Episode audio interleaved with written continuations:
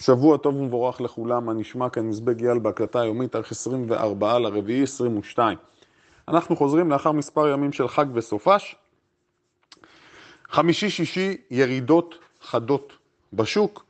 קיבלנו ירידה בנסדק מצטברת של בערך חמישה אחוזים. זה הרבה מאוד ביומיים, איך שאנחנו לא הופכים את זה. האם זה מפתיע אותנו? אני מניח שאתם יודעים שהתשובה ממש לא. זה אפילו מתבקש. אני אתן בריף קצר. קיבלנו ירידות בנסדק. אני מדבר על הנסדק בעיקר כי הוא זה שמוביל. אנחנו יודעים שה-S&P והדאו מגיבים בצורה מתונה יותר. קיבלנו ירידה של 22% בשיא בנסדק, ומשם עלינו בחזרה, תיקנו תיקון משמעותי מאוד. מי שיסתכל על ה-QQQ שאנחנו עוקבים אחר הקרן הזו, כעוקבת נסדק, אז ירדנו עד 316 דולרים ועלינו עד 372, שזו הייתה עלייה מאוד חזקה כלפי מעלה, אמרנו שהעליות מלאכותיות, ואנחנו מצפים לירידות בחזרה, היות ויש יותר מדי גורמים שלוחצים כלפי מטה. אז ראשית, מבחינת התחזית זה היה פשוט מושלם. ישנם מצבים, לא תמיד, אבל בין היתר מה שקורה מתחילת השנה, מאוד צפוי. השוק מתנהג בצורה מאוד צפויה, אני מדבר כרגע על השוק כולו. מתנהג בצורה מאוד צפויה, מי שידע לנצל את זה פשוט, זה מסוג המצבים, אם פועלים בצורה נכונה, לא רק שלא מפסידים כסף גם בירידות, אלא יכולים להרוויח, ולהרוויח בצורה מאוד יפה. מדוע אמרנו שהעליות מלאכותיות? דיברנו על נבחי המסחר ודיברנו על שינוי המקרו המשמעותי, עליית הריבית, תשואת האג"ח שעולה, ולמעשה יש פה שינוי, ואני מחדד ומזכיר את זה, שינוי של עשרות שנים, 40-50 שנה, הנושא של הריבית היורדת ומתווה הריבית היורד, ואנחנו מקבלים פה שינוי שהוא באמת ברמה של שינוי טקטוני.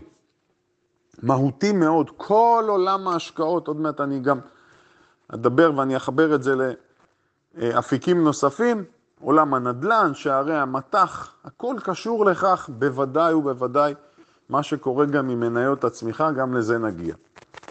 אז היה צפוי הסיפור הזה, ברמת ודאות גבוהה בהרבה מ-50 אחוז, אני חייב לומר. אני יודע, הרבה מהחברים חטפו פגיעה מסוימת, יש לצד אלה גם כאלה שהרוויחו יפה מאוד מהירידות הללו, ואני מדגיש, כאשר אנחנו מדברים על מסחר ברמה גבוהה יותר, מאשר לקנות ולהחזיק מניות לטווח ארוך, אנחנו מדברים על האפשרויות של השורטים. אז יש לנו את האפשרות להרוויח מירידות, ויש לנו את האפשרות לפתוח הגנות, וככל שאני רוצה להיות סוחר ומשקיע מתוחכם ומיומן יותר, אני חייב להשתמש בכלים הללו, זו כבר לא המלצה. מדוע בכל זאת, גם פה בקבוצות שלנו ובדיאלוג שלנו, אני לא נכנס הרבה לנושא של השורטים כשורטים טהורים, מה שנקרא, להרוויח מירידה נטו, היות ורוב החברים לא עושים את זה.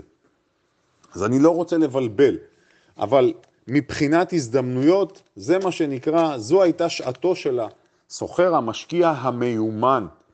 יותר מזה, מה שנקרא, אי אפשר לבקש. מי שרוצה לבקש יותר מ...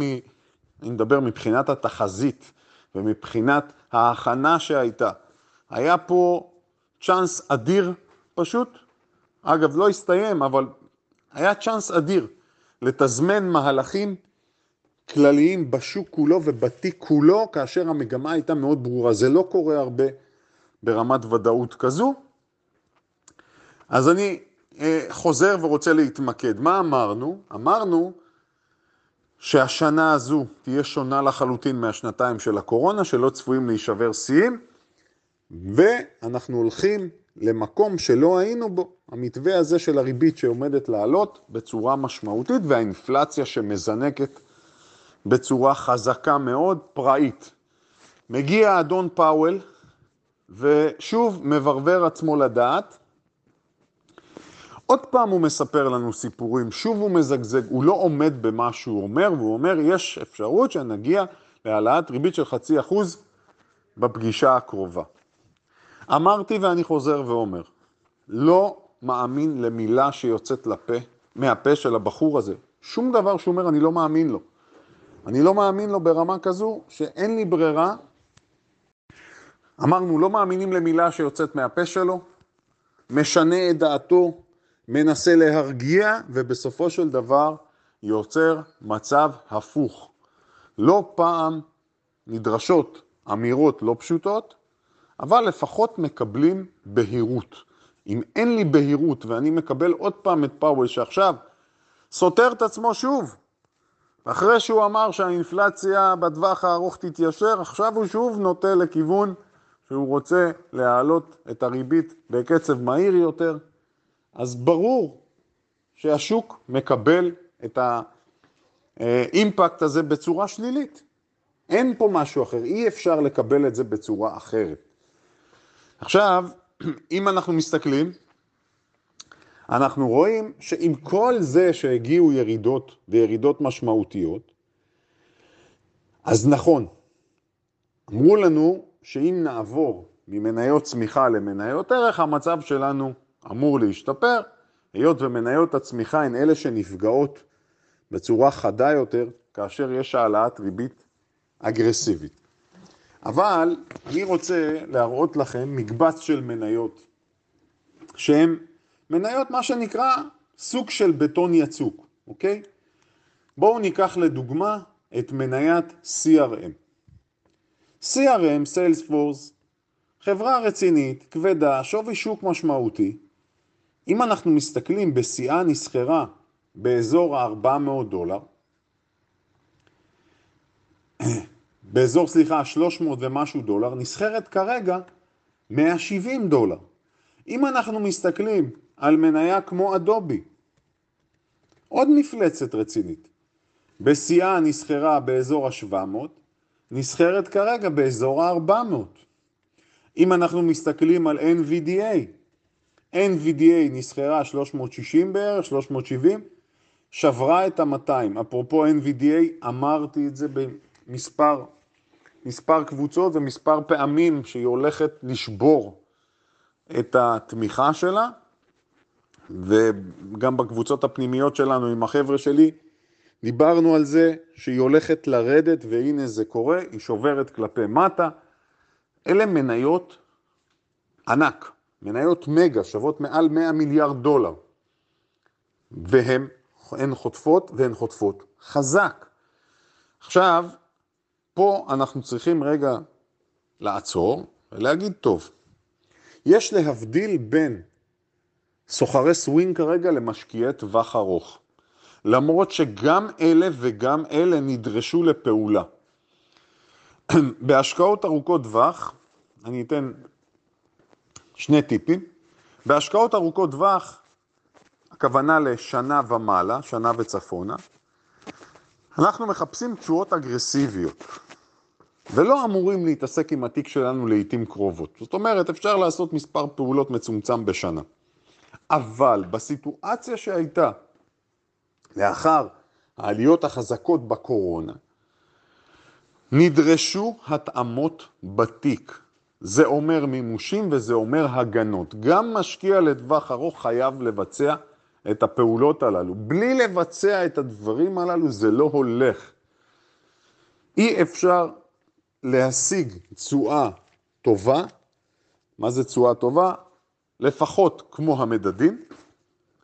אי אפשר להשיג תשואה, זה נקרא תשואת בטא, מי שמשיג תשואה כמו המדדים המובילים, תשואת בטא, מי שמכה את המדדים תשואת אלפא, מבלי לבצע את הפעולות הללו.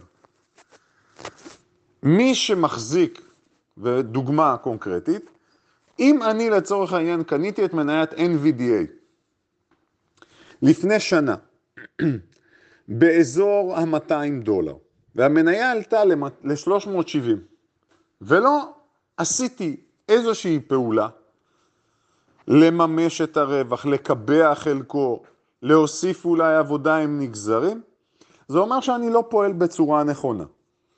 יבוא מישהו ויתריס ויגיד, אבל אייל, בהשקעות טווח ארוך לא צריך לגעת, צריך לתת לעסקה לרוץ, נכון, אבל תמיד יש לנו יוצאים מן הכלל. כאשר מניה, גם אם היא מניה גדולה, חזקה, מגה, מבצעת תנועה קיצונית, נדרש להגיב. אי אפשר להישאר אדיש. לגבי סוחרי הסווינג, אני רוצה להזכיר, אמרתי וחזרתי על זה הרבה מאוד פעמים, המשפט הזה by the deep, לקנות כאשר יש ירידות, אמרתי שזה מתאים רק למי שמיומן בכך. כלומר, אם מישהו יסתובב על המניה מספר פעמים והוא יודע מה זה אומר לקנות את הדיפ, זה בסדר. לנסות להתחיל לעשות פעולה בצורה, נקרא לזה, פרטיזנית, אם אני לא מכיר את זה, ואין לי ניסיון, ואני מנסה עכשיו לעשות דברים שמעולם לא עשיתי, זה מתכון להפסדים, מתכון בטוח להפסדים. מהמניות הללו אני רוצה לעבור רגע למניות הצמיחה. תראו, במניות הצמיחה, ואנחנו מדברים על, אני יכול לקחת איזו מניה שהיא מייצגת case study מושלם לסיפור, שופיפיי. שופיפיי אי אפשר להגיד עליה שהיא מניה קטנה, שופיפיי זו מניה כבדה. מבחינת שווי שוק, כן? שווי שוק נוכחי, בואו נראה שאני לא טועה, בסביבות ה-60 מיליארד דולר לדעתי, תנו לי רגע לבדוק. כן, בדיוק 60 מיליארד דולר שופיפיי. שופיפיי נסחרת כרגע 460 דולר, נסחרה בגבוה 1760. היא רחוקה מהשיא שלה 73, 74 אחוז. אם אני מסתכל על Shopify, כעוד פעם, כאבן בוחן למניות צמיחה נוספות, האינסטינקט הראשוני שלי אומר, לכל אורך הירידה, האינסטינקט אומר, שמע, שווה לקנות אותה, כי היא הייתה במחיר כזה גבוה. מה, היא לא תחזור?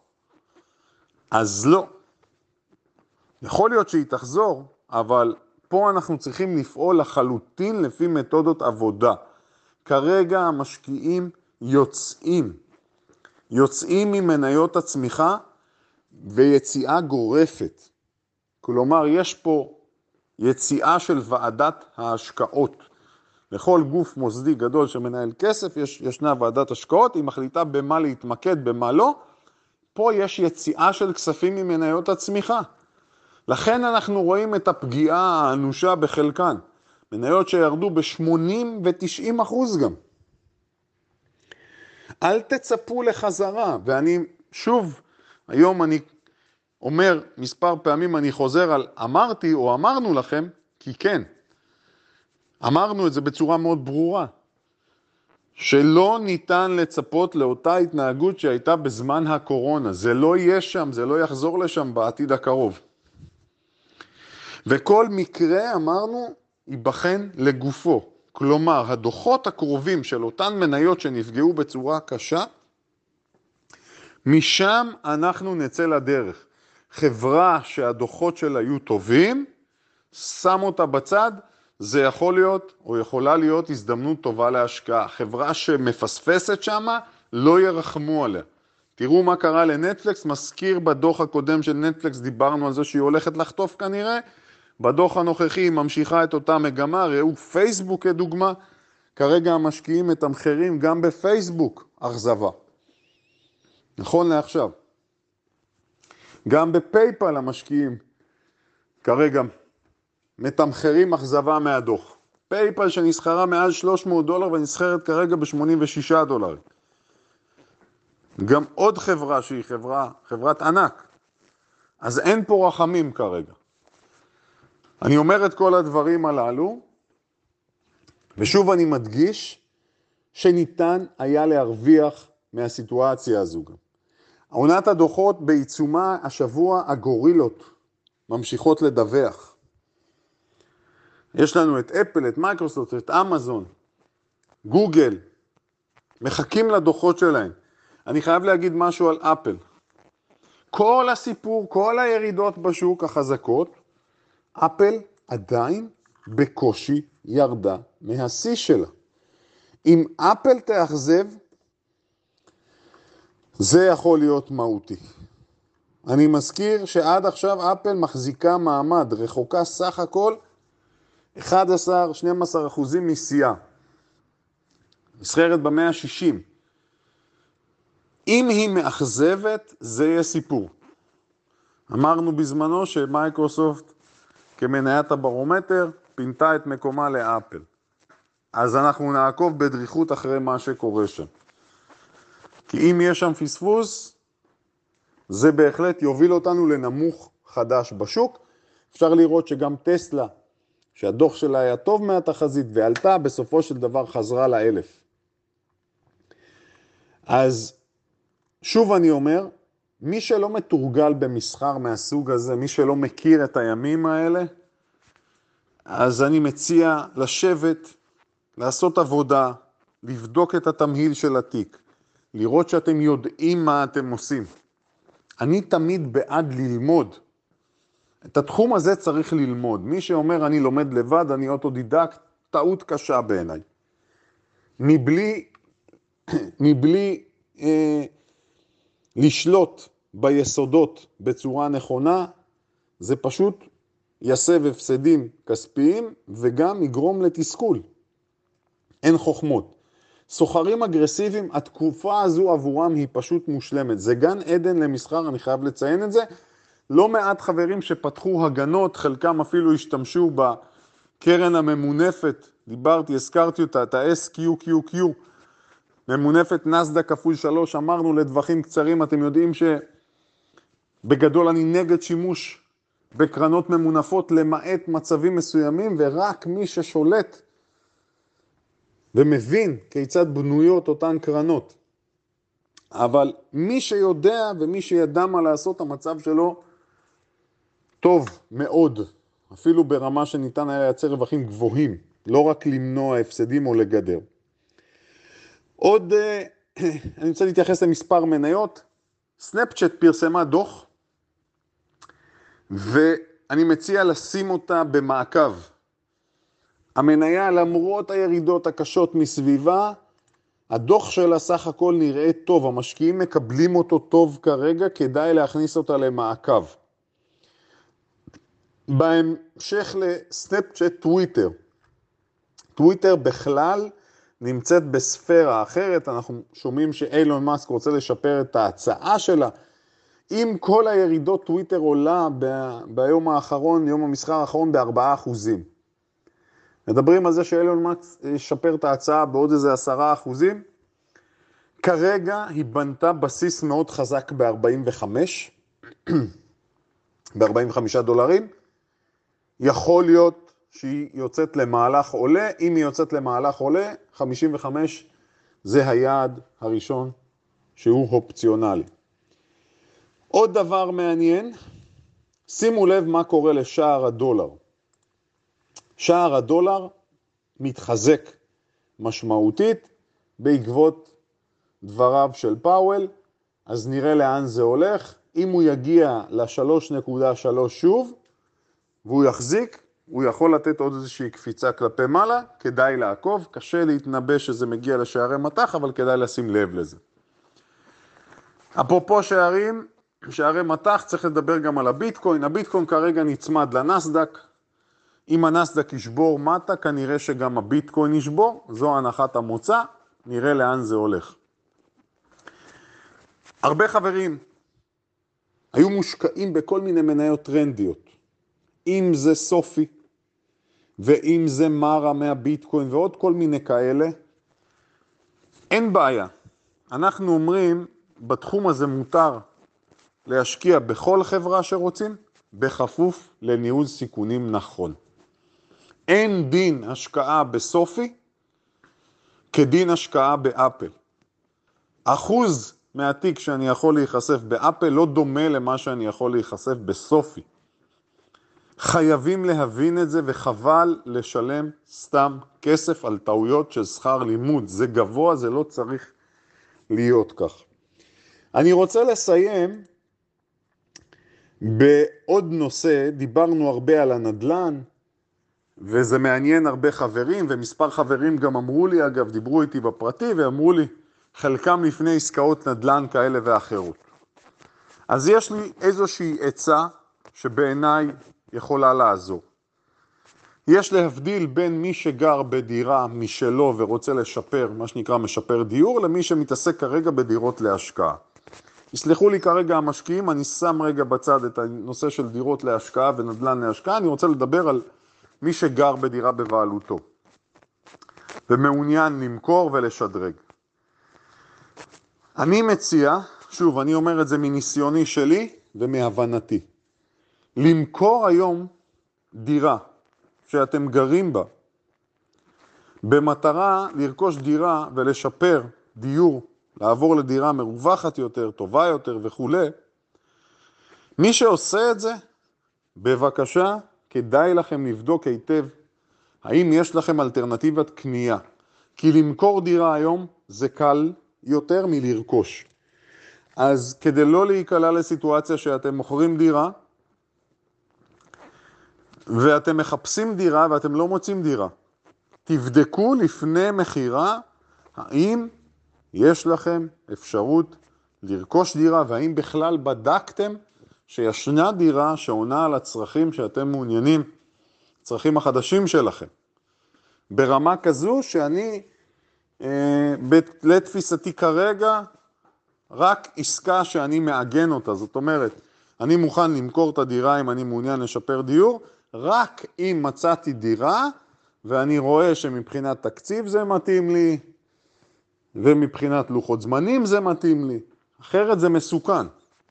ישנה סכנה, ופה אני מדבר מניסיון, ישנה סכנה לבצע מכירה של דירה, מתפתים למחיר טוב כי המחירים גבוהים, אבל אם אני אחפש דירה, אני לא אמצא את מה שאני רוצה, ואז אני נשאר באוויר. לא בריא המצב הזה. הלאה. שאלו לא מעט חברים, הנושא של דירה, כן או לא, לקנות או לשכור, דעתי חד משמעית, אני מדבר על מי שמחפש דירה למגורים, מבחינתי אין דילמה. לשכור דירה לטווח ארוך בעיניי זה לא חכם, זה שריפה של כסף. אז אני לא מדבר על דירות להשקעה, אני מדבר למגורים. חד משמעית אני אומר, אגב, אם ניצמד למספרים, מי שרכש דירה בשנים האחרונות, הדירה ערכה עלה משמעותית, רק בשנה האחרונה פשוט המספרים הם, הקצב של הנתונים לגבי הדירות הוא קצב אש, כמו תותח וולקן יורה פה בלי, בלי לעצור, אז מדברים על 15.8 אחוזים עלייה בשנה, שנה וקצת האחרונות. זה קצב של אחוז וקצת לחודש.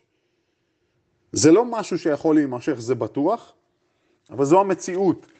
עכשיו, קראתי לגבי הפרויקט, מדברים על פרויקט של שכירות לטווח ארוך. אני חייב אה, להקריא לכם. לקחתי כתבה פה מגלובס, מהמוסף לחג שלהם, וכתוב ככה, תראו, יש פה זוג שהחליטו שהם הולכים על שכירות לעשר שנים לטווח ארוך, תקשיבו לסכום שהם משלמים, כן? נדמה לי שמדובר פה על אזור פתח תקווה כנראה, פרויקט גליל ים זה נקרא, כן. 5,800 שקל שכירות הם משלמים על דירה שהיא דירת ארבעה חדרים, כאשר בשוק החופשי הדירה הזו מושכרת ב-7,000. עכשיו אני שואל אתכם שאלה. הזוג אגב שמשכיר את הדירה, מדריך שחייה ומורה לפסנתר ובת זוגו מורה בבית ספר. שאלה פשוטה, אה, הם בני 45 ו-47. מה יהיה עם הזוג הזה עוד עשר שנים?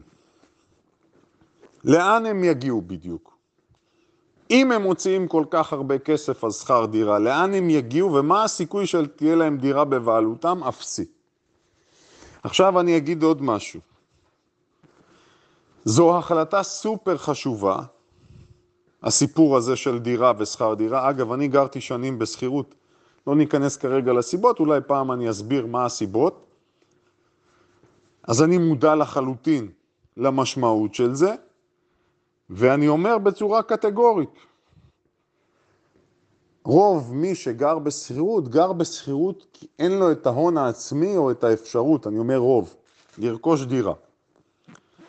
עכשיו, שאלו אותי אייל, רגע, אבל מי שישקיע בשוק ההון, הסיפור הוא די פשוט.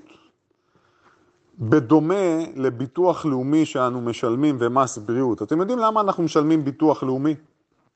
מדוע המדינה מחייבת אותנו לשלם ביטוח לאומי? כי המדינה לא סומכת עלינו. תנסו לחשוב, אם במקום לשלם ביטוח לאומי, היו משאירים בידי האזרחים את האפשרות או לשלם ביטוח לאומי או להשאיר את הכסף אצלנו ולחסוך אותו. ברור שאני לא רוצה להגיד רובנו, למרות שאני חושב שרובנו היה מבזבז את הכסף הזה. אותו דבר בסיפור של שכר דירה מול רכישת דירה. מי שישים כסף בצד ולא ירכוש דירה, כנראה שיבזבז אותו. לכן, מעבר לעניין הכלכלי, יש פה עניין של הטבע האנושי. אז לכן אני חושב את מה שאני חושב.